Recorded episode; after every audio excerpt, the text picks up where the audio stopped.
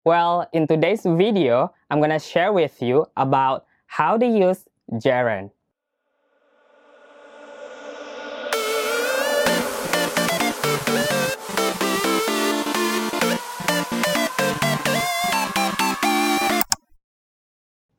Hai warga beringgris, welcome to today's lessons. How are you doing guys? Semoga kalian hari ini baik-baik aja ya. Well, in today's video, I'm gonna share with you about how to use gerund. But as always, before we get to the video, don't forget to like and subscribe to this channel if you haven't subscribed already. And don't forget to click the notification bell so you can always get notified whenever I upload a new video to this channel. Oke okay guys, without any further ado, let's get started. Oke okay guys, sebelum gue bahas lebih lanjut mengenai si Jaren ini, gue mau kasih tiga contoh dulu ya. Contoh yang pertama adalah drinking water is healthy. Minum air putih adalah menyehatkan. Contoh yang kedua adalah I'm drinking water.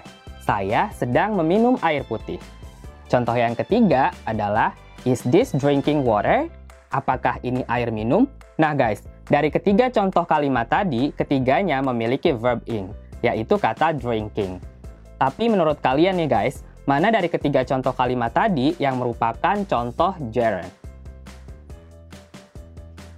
Yap, betul banget guys. Contoh nomor satu. Drinking water is healthy. Minum air putih adalah menyehatkan. Karena contoh nomor dua itu merupakan contoh present continuous. Sedangkan contoh nomor tiga itu merupakan adjektif. Jadi drinking tersebut merupakan adjektif untuk menjelaskan air, air minum. So guys, let's take a look why number one example is a gerund.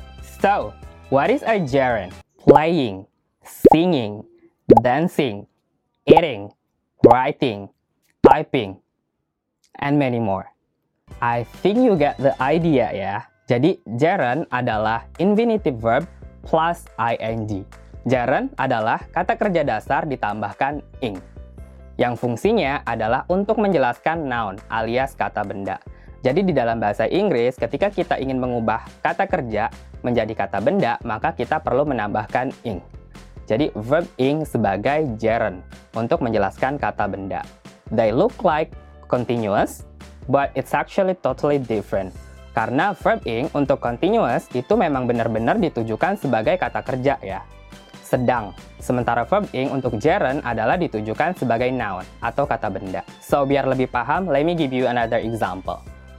I avoid eating spicy food. Saya menghindari makan pedas. Terus contoh yang lain, I avoid to eat spicy food.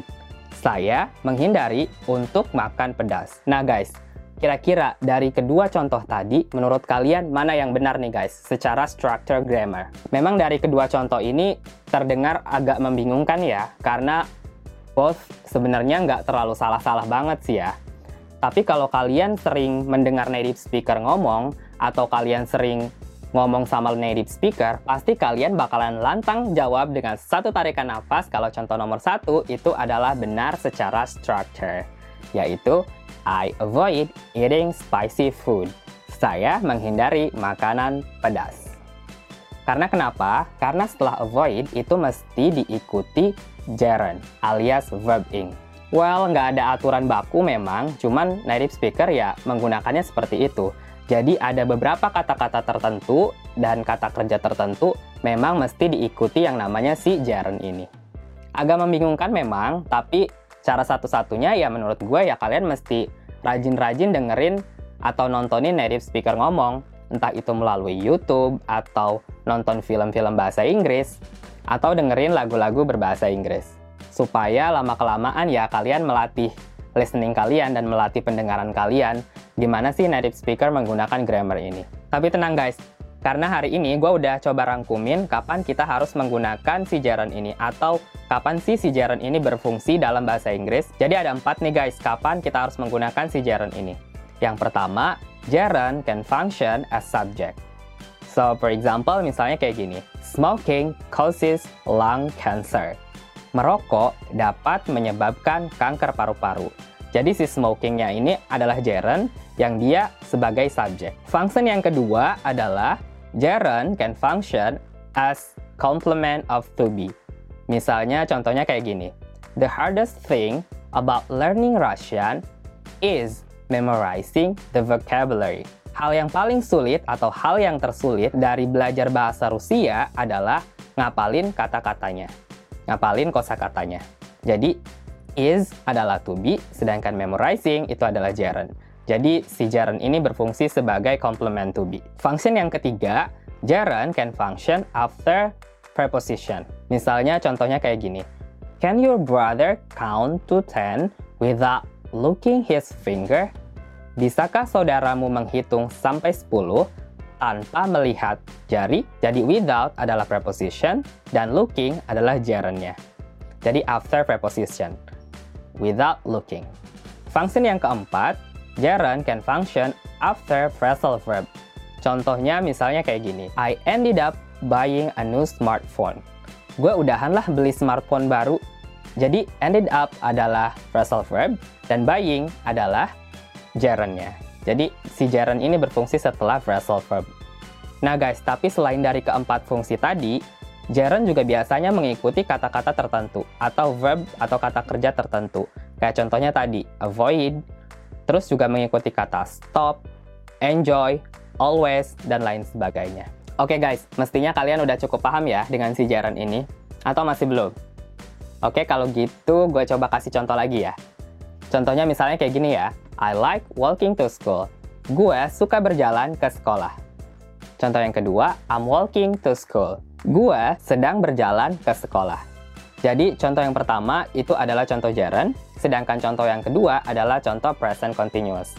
Jadi kelihatan banget kan bedanya mana yang gerund atau sebagai noun dan mana yang benar-benar sebagai kata kerja. I like walking. I, subject, like-nya verb, dan walking adalah objek atau noun atau gerund. To school, adjective. Sedangkan contoh yang kedua, I'm walking to school. Saya sedang berjalan ke sekolah. Jadi walkingnya di situ benar-benar adalah kata kerja. Dia memang sedang berjalan ke sekolah.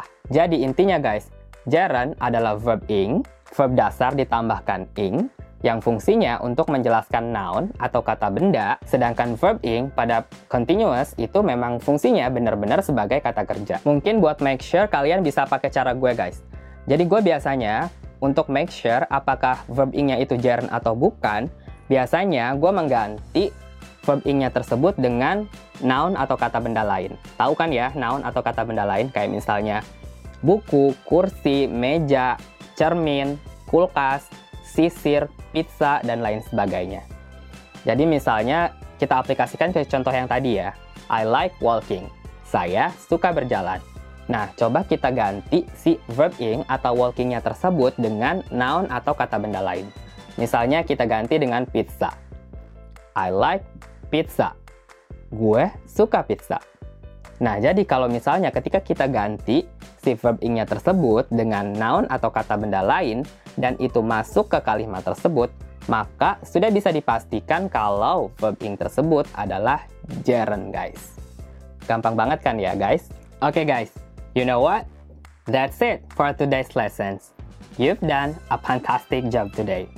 So now I'm gonna ask you to leave an example in the comment section about gerund. Please make sure it is not continuous example or even adjective example. I'm so happy today that you are here to watch this video. And if you find this video is useful for you, don't forget to give me a thumbs up and subscribe to this channel.